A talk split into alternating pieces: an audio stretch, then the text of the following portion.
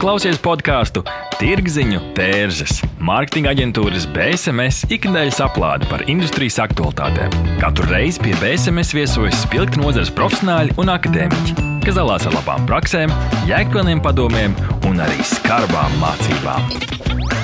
Aiziet! Šodien Tirziņu tērzes studijā Inta Buša un Denis Ševeļovs.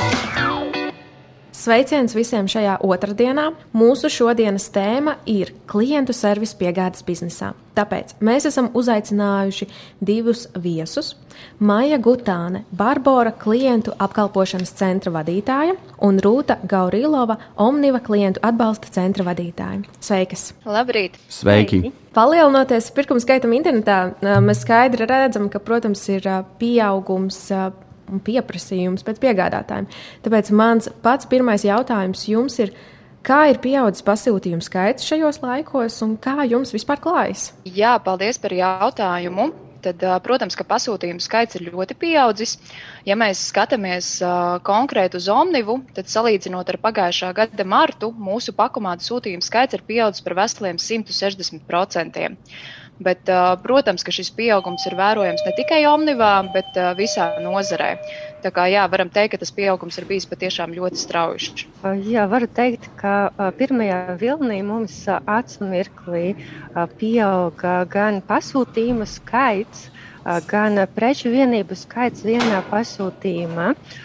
Un, piemēram, pieprasījums kļuva pat sešas reizes lielāks apgrozījums pieauga par 130%, kā arī mājaslapa piedzīvoja rekorda apmeklējumu lēcienu par 300%. Un, Tas ir salīdzināms ar kuru periodu? Salīdzinoši tieši ar pirms pandēmijas periodu. Tad vienā brīdī šie skaitļi uzlēca.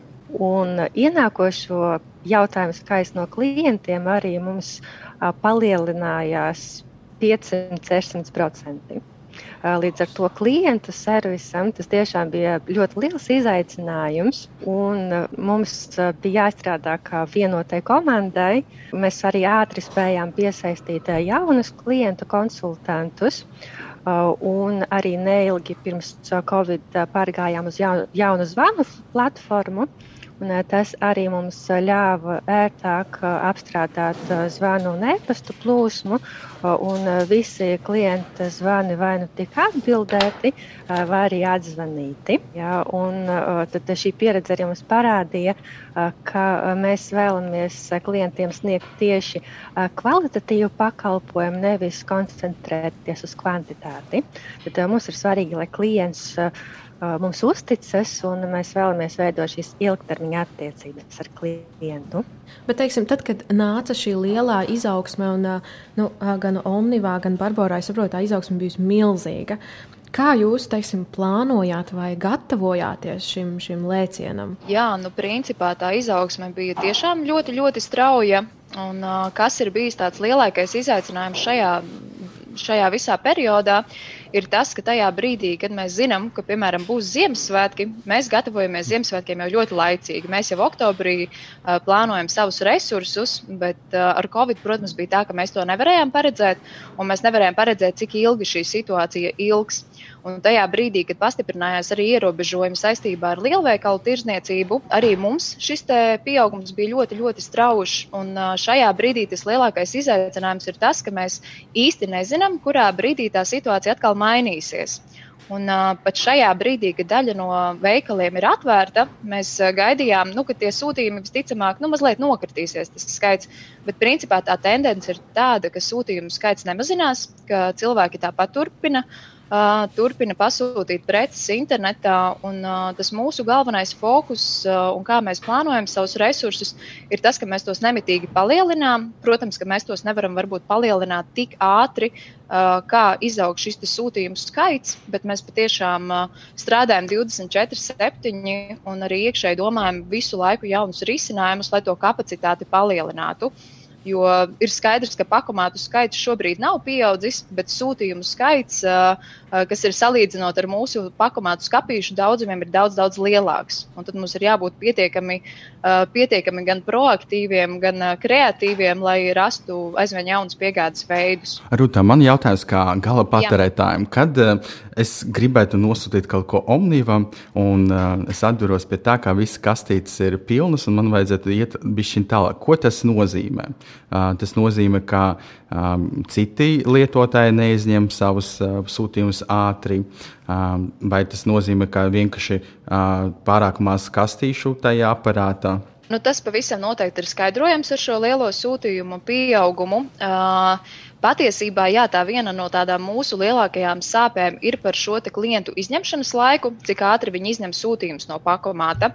Un, uh, kamēr mums vēl nav jauno pakomātu, mēs ļoti, ļoti klientus aicinām patiešām šos sūtījumus saņemt pēc iespējas ātrāk, lai tad arī pakomātā būtu brīvas vietas. Un, protams, šāda situācija var rasties arī tajā brīdī, kad, piemēram, kurjeris ir piebraucis pie pakomāta un uh, ir tikko apkalpojis pakomātu. Tādēļ, jā, šādā brīdī pavisam noteikti var sazināties ar klientu centru. Mēs pateiksim, kur ir uh, tuvākais pakomāts, kurā ir brīvas vietas, kāda izmēra skāpīši ir pieejami.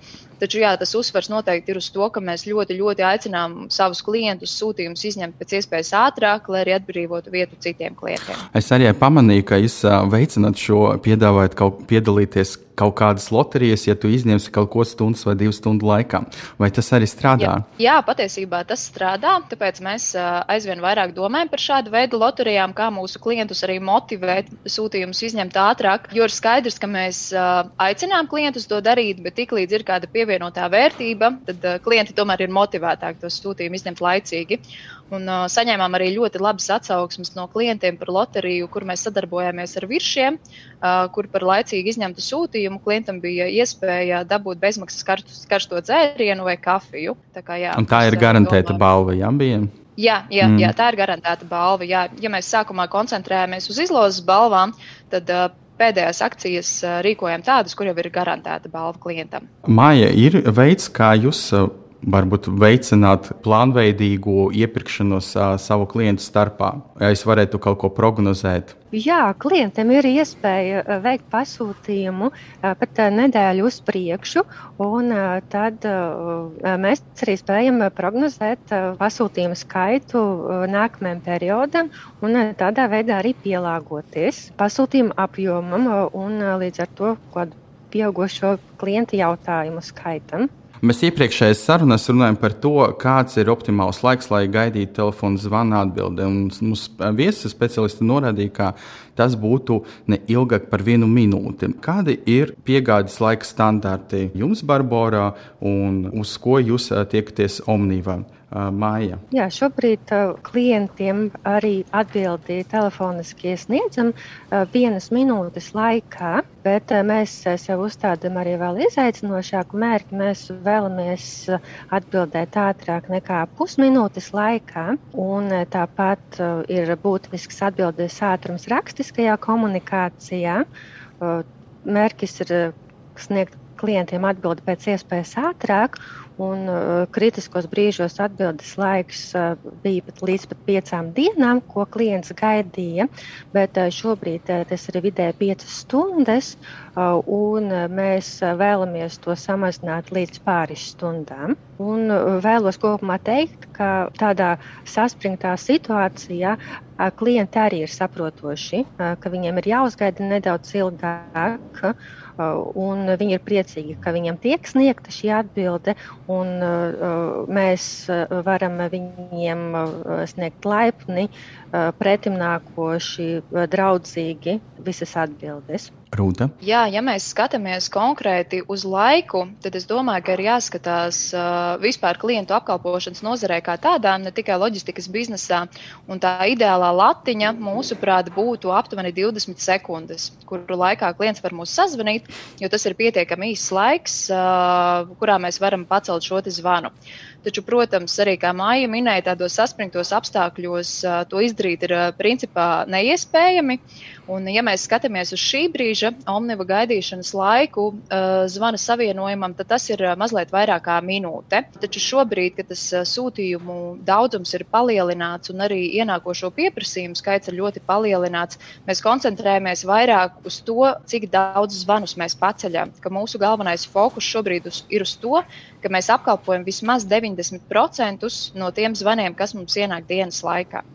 Tāpēc, jā, tiklīdz kā situācija atkal stabilizēsies, mēs atgriezīsimies pie ātruma, bet šobrīd mēs darām visu maksimālo, lai paceltu pēc iespējas vairāk zvanu. Un tas pats, protams, attiecas arī uz rakstisko komunikāciju.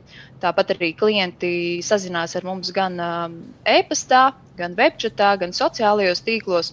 Un arī šeit mēs sekojam līdzi, lai tas atbildēšanas laiks nebūtu ilgāks par pāris stundām. No klientu apkalpošanas pa telefonu gribētu turpināt jautājumu arī par piegādi. Kādas ir sagaidas Latvijas iedzīvotājiem? Kas nozīmē ātra piegāde manai precei, ko esmu pasūtījis, un kas ir superlēni un nepieņemami? Tad uh, varu uzreiz ieskicēt to, ka tās izmaiņas, kas mūsu skar sūtījuma apjoma ziņā un covid ziņā, mēs, protams, gribētu, lai mūsu klienti to neizjūt vai izjūt pēc iespējas mazāk, ka mūsu kvalitāte nemainās no tā, cik liels ir mūsu sūtījuma apjoms. Taču, protams, ka ir objektīvi iemesli, kādēļ tas var mainīties. Un, uh, mēs esam arī vienmēr godīgi ar klientiem komunicējuši. Šī brīža situācija ir tāda, ka vidējais piegādes laiks ir līdz piecām dienām, jo tas pakomātu sūtījumu skaits ir patiešām liels. Un, ja kaut kas pārsniedz piecas dienas, tad tas ir katrs individuāls gadījums, kas tad ir jāskatās. Bet tā mūsu publiskā komunikācija šobrīd ir, jā, piegāde ir līdz piecām dienām, taču mēs ceram, ka tuvākajā laikā atgriezīsimies pēc standarta nākamās dienas piegādes. Tas mēs runājam par, Lat par Latviju piegādi, pareizi? Jā, jā pakomāta piegāde par Latviju. Un kā Barbara? Teikšu tā, ka viens no mūsu fokusiem arī ir pieejamība, lai klients saņemtu pasūtījumu pēc iespējas ātrāk pēc pasūtījuma veikšanas. Un šobrīd vēlamies klientam veikt tās pašas dienas piegādi. Līdz ar to klients var ienākt mūsu mājaslapā, sakomplektēt savu preču grozu un tāpat dienā arī saņemt savu pasūtījumu. Mēs arī esam pajautājuši Latvijas iedzīvotājiem ar nostāru starpniecību, vai jūs mēdzat piemaksāt par ātrāku piegādi. Un tad puse no respondentiem teica, ka nē, viņi to nedara. Un tad tur dalās daži, tu, tikai 1% dara to vienmēr. Tas 1%, par kuru mēs vienmēr runājam. Savukārt 16% to dara dažreiz. Katram piektajam tas ir pieņēmums, ka tas ir būtiski, piemēram, kad viņi pasūta dāvanu dzimšanas dienā. Un 10% ir gatavi to darīt un dara, kad papildus maksas nav lielas. Un mēs paskatījāmies, kāda ir lielākas atbildes, un tad mēs redzam, ka 28% jauniešu vecumā no 18 līdz 29 gadiem ir gatavi maksāt vairāk, kad tas ir būtiski, kad vajag dabūt, piemēram, dāvanu vai preci, ko viņi ļoti gaida. Un dažreiz to dara katrs ceturtais vecumā no 30 līdz 39 gadiem.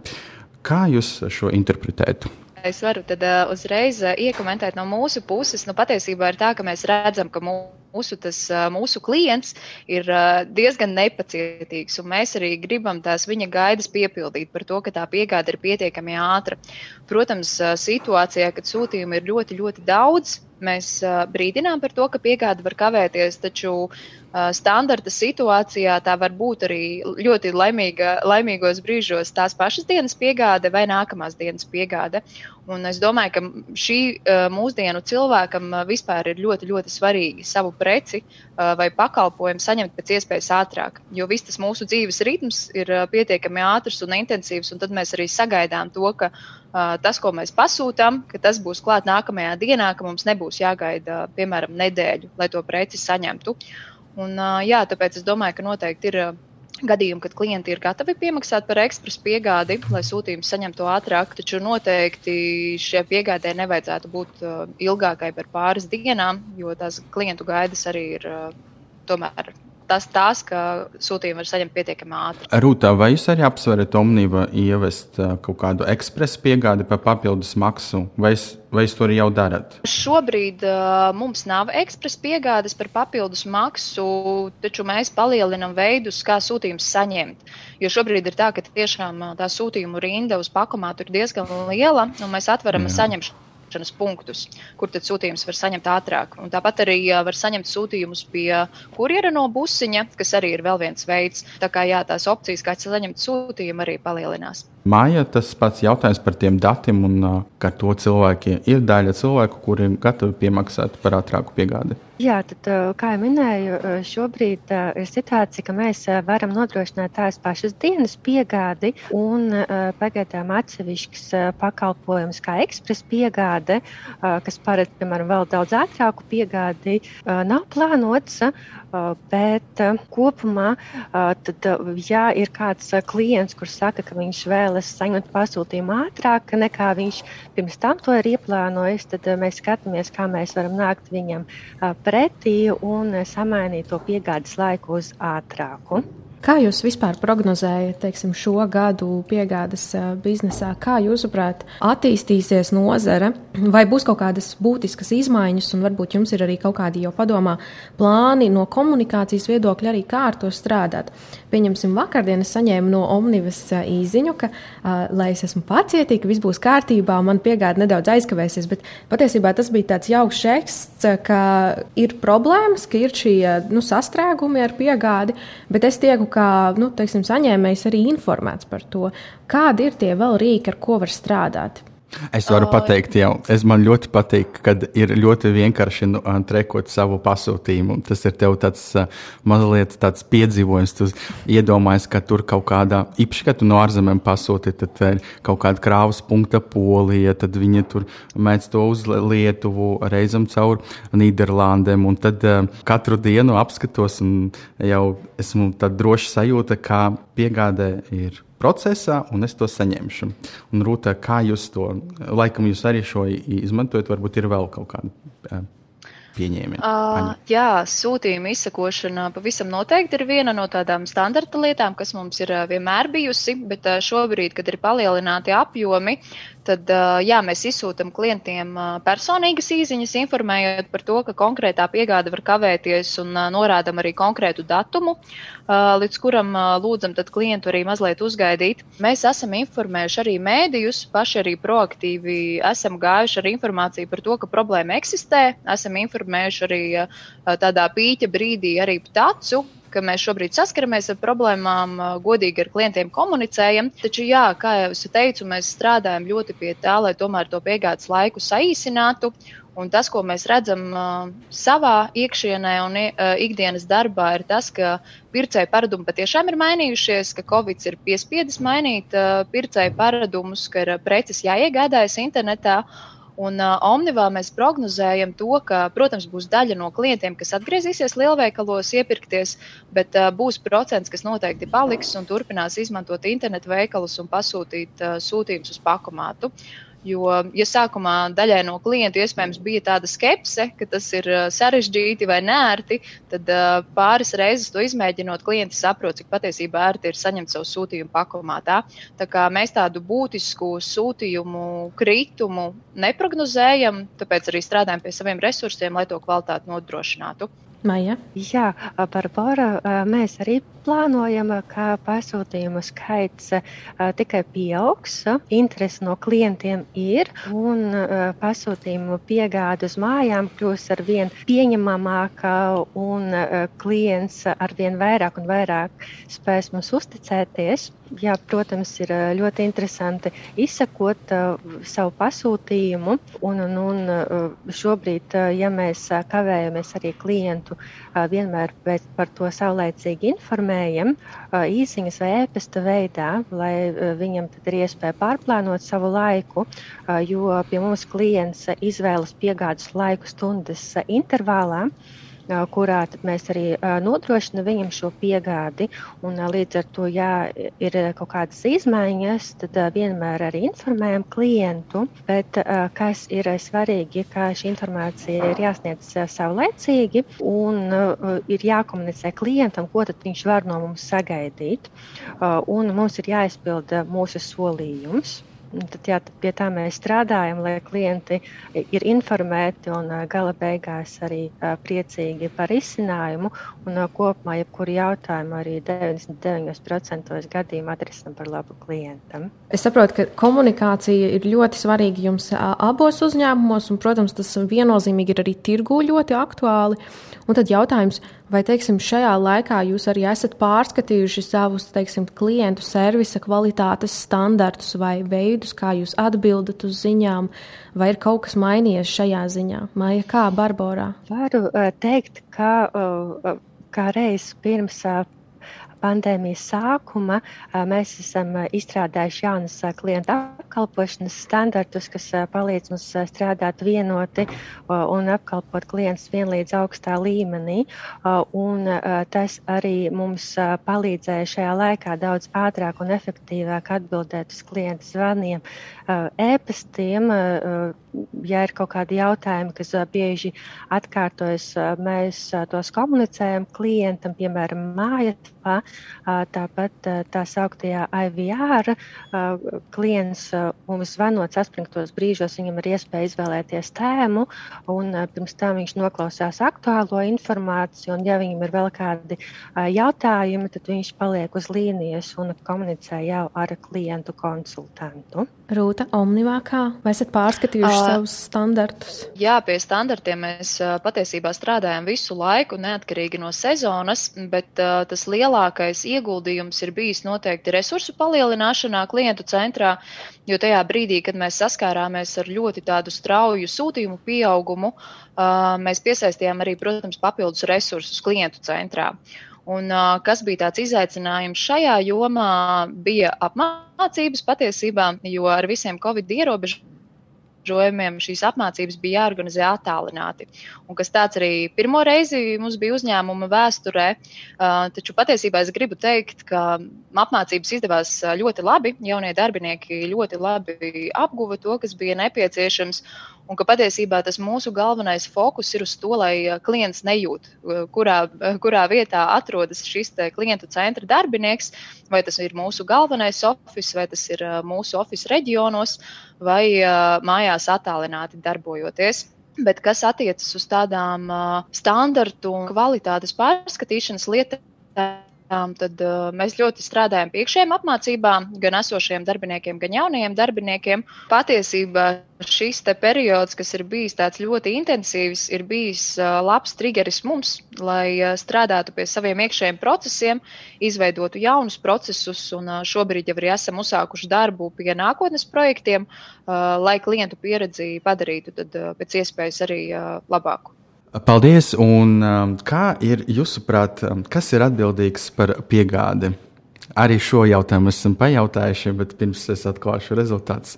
Kā jums liekas, ko cilvēki domā un kā jums liekas? Pats pārdevējs, uz, at... uzņēmējs, starpnieks, gan pārdevējs, gan uh, piegādātājs. Arī grūti pateikt, kā jums liekas, ko uh, visvairāk cilvēki ir atbildējuši kurš ir atbildīgs par piegādi? No savas puses var atbildēt kā klients, ka man gribētos saņemt pilnu servisu, un es vēlētos, lai pārdevējs arī uzņemas daļu atbildības par piegādi. Un runājot par Barbara, mēs nodrošinām šo pilno pakalpojumu. Mēs gan komplektējam pasūtījumu, gan arī nogādājam viņam, viņu klientam līdz vēlamajai adresei, un līdz ar to klients komunicē tikai ar mums. Jā, es arī varu pievienoties, ka es domāju, ka tas noteikti ir gan pārdevējs, gan piegādātājs. Jo tajā brīdī, kad klients pasūta preci, es domāju, ka es arī kā pati arī kliente sagaidu to, ka man vairs nebūs jāiesaistās liekā komunikācijā ar vienu vai ar otru pusi, un uh, lai nerodas situācijas, kad uh, klients tiek futbolēts vai nu no pārdevēja uz piegādātāju vai otrādi. Tā kā es teiktu, ka abi ir vienlīdz atbildīgi. Jā, Es domāju, ka tā ir tā gala atbilde. Jā, tieši arī 64% respondentu atbildējuši gan atbildību par piegādājējs, gan pārdevējs, gan piegādātājs. Ok, tad uh, neliels pārtraukums. Tirziņa tērzes - tas ir vērtīgs saturs mūsdienīgam mārketinga speciālistam. Neatbildami jautājumi, sarežģīti lēmumi. Sazinies ar Norstat. Mēs palīdzēsim.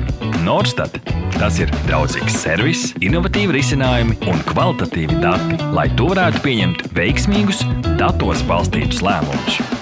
Pievienojies vairāk nekā simts Latvijas uzņēmumiem, kas uzticas vadošajam datorisinājumu nodrošinātājam Ziemeļeiropā. Mūsu mērķis ir atvieglot tavu dzīvi un ļaut pieņemt pareizus lēmumus. Norstat - vērtīgi dati svarīgiem lēmumiem. www.norstat LV Mums vienā no sarunām viens viesis norādīja, ka, ieejot klientu servisā, tu uzzini pilnīgi visu par savu uzņēmumu. Un tad man ir jautājums jums, teiksim, cik bieži vispār ir tādi ļoti negatīvi zvani, un kā vispār strādāt ar mūsdienās un varbūt šodien tādu sabiedrībā vispār nokaitētu gaisotni.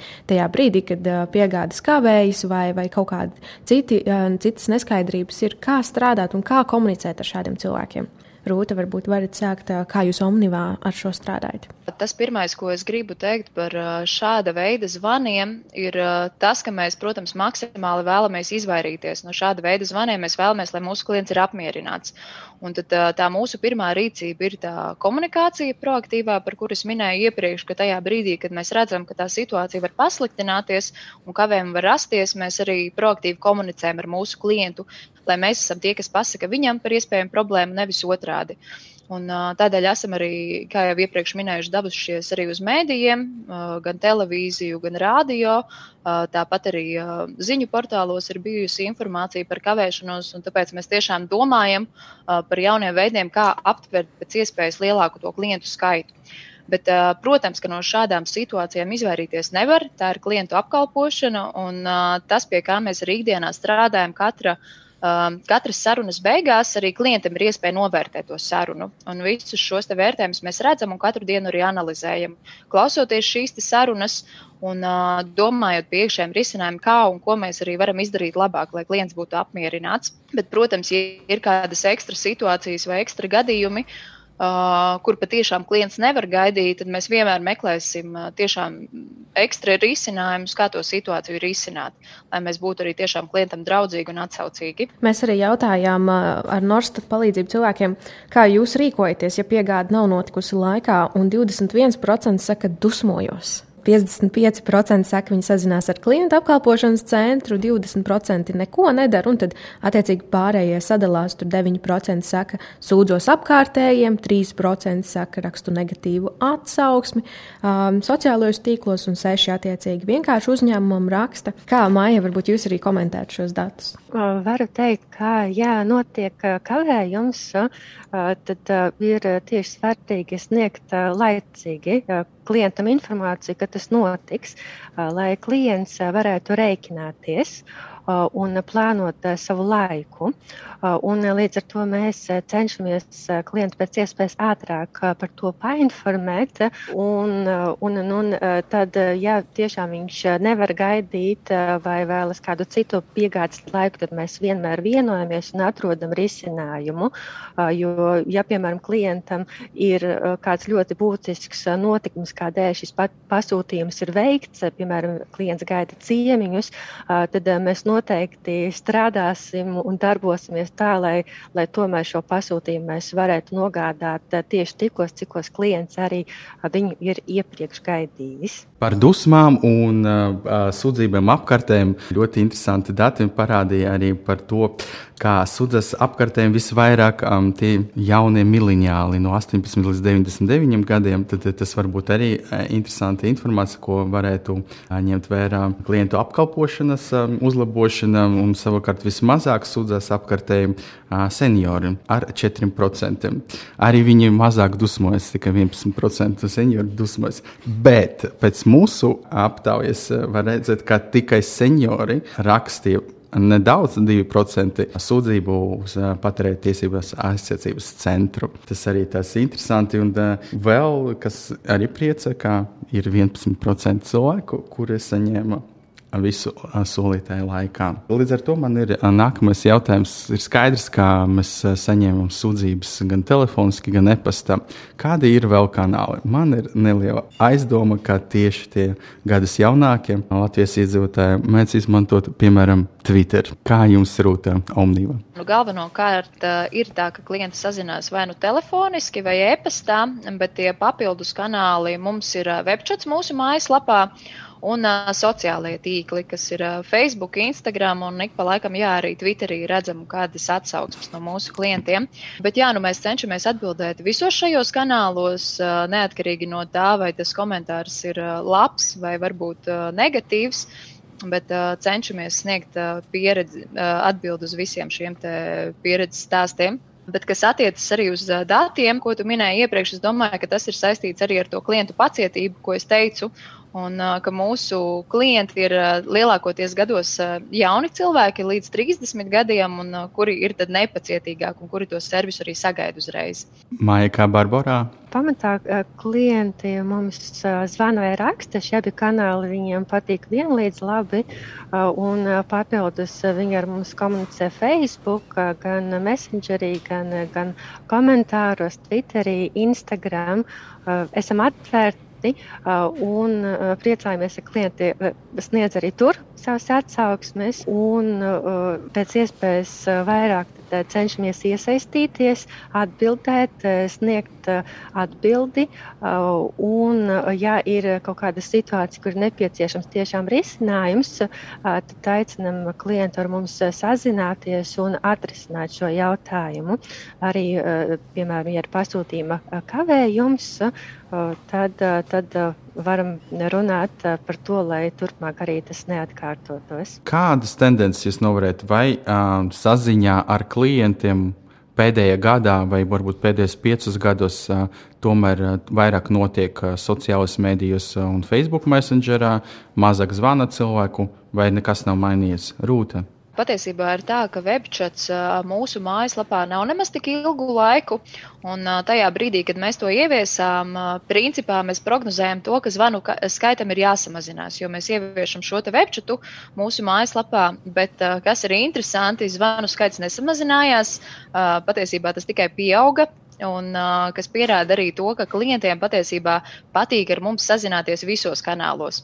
Un uh, tajā brīdī, kad, piemēram, ir šī atbilžu kavēšanās, tad uh, klientiem patīk gan piezvanīt, gan arī, piemēram, uzrakstīt mums webchatā vai e-pastā. Tā kā tā tendence principā ir uh, pieaugoša, bet uh, pavisam noteikti vairāk klientiem patīk arī mums uzrakstīt, patīk uzrakstīt arī Facebookā, uh, Instagramā un uh, saņemt to rakstisko atbildi. Uh, klienti, manuprāt, vairāk zvana tiešām tie, kas nav varbūt mileniāļi, kā tu minēji iepriekš, un uh, kuriem varbūt ir tāda ļoti steidzama problēma. Bet, uh, ja klients vienkārši vēlas apjautāties, uh, kā nosūtīt vai kādus citus jautājumus par servisu, ļoti bieži viņi mums to uzraksta arī rakstiski.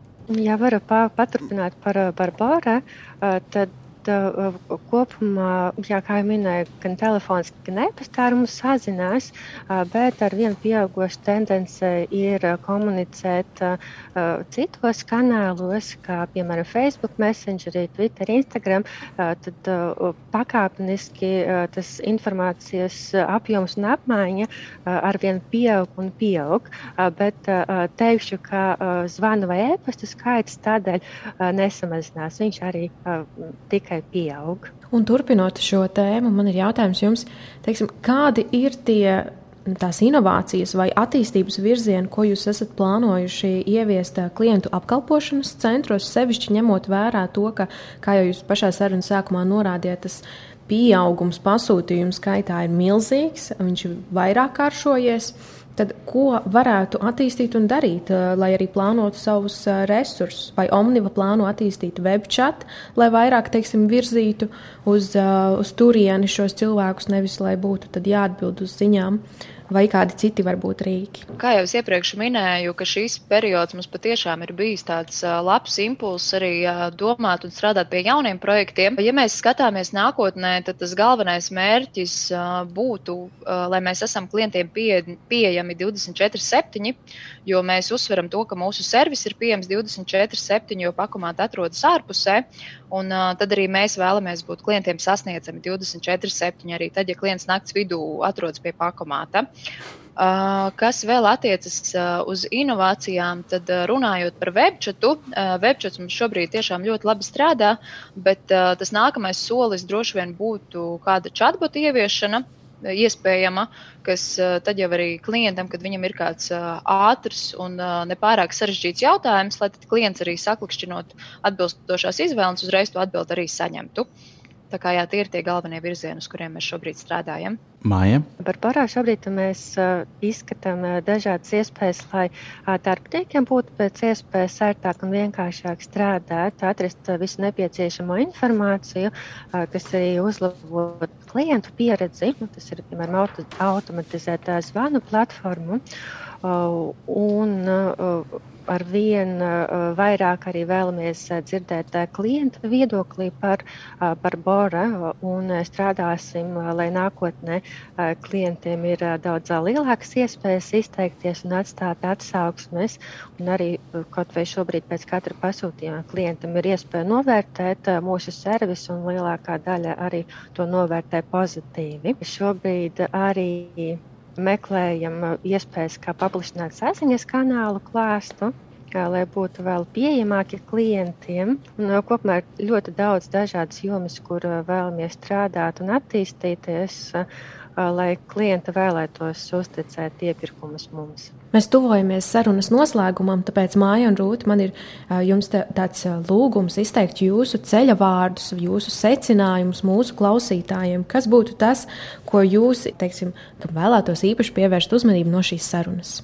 Rūta varbūt var sākt es jau iepriekš ieskicēju, tie ceļa vārdi un mans vēlējums mūsu klausītājiem patiesībā ir tāds, ka mēs Omnivā ļoti, ļoti novērtējam mūsu klientus, un mūsu klients ir tiešām mūsu prioritāte. Es vēlos tiešām Omnivas vārdā pateikt lielu paldies visiem mūsu klientiem, kas izvēlas tieši Omnivu, jo mēs tiešām arī strādājam pie tā, lai to servisu uzlabotu. Bet tādam ceļa vējam es gribētu aicināt klientus patiešām būt saprotošiem šajā situācijā, jo mēs darām visu iespējamo, lai veiktu piegādes pēc iespējas ātrāk un aicinām uz sapratni ne tikai sūtījuma piegādes termiņos, bet arī attiecībā pret citiem klientiem. Un, ja ir iespējams, tad mēs tiešām, tiešām novērtētu, ja klienti šos sūtījumus no pakomāta izņemtu pēc iespējas ātrāk, kas mums palīdzētu piegādāt nākamās paciņas. Paldies! Maija no Jā. Barbaras vārdā. Vēlos pateikt liels paldies jums par sarunu.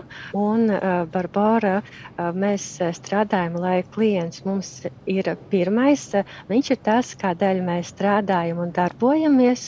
Tādēļ aicinam klientus dalīties ar savu pieredzi, izteikt savus ieteikumus, domas, idejas, jo tas viss mums arī palīdzēs kopā uzlabot, eh, padarīt pakalpojumu daudz eh, labāku eh, un draudzīgāku klientiem. Paldies jums par sarunu. Kopā ar mums šodien bija Maija Gutāna, Barbara klientu apkalpošanas centra vadītāja un Rūta Gaurilova, Omniva klientu atbalsta centra vadītāja. Paldies jums! Paldies, ka klausījāties BSMS podkāstu Tirziņu tērzes. Aplādi ar labām praktiskām, jēgpilniem padomiem un skarbām mācībām. Patika epizode? Dalies sociālajos medijos, ir idejas tēmām vai viesiem? Raksti mums! Tās bija tirgziņa tērzes. Tiekamies nākamnedēļ!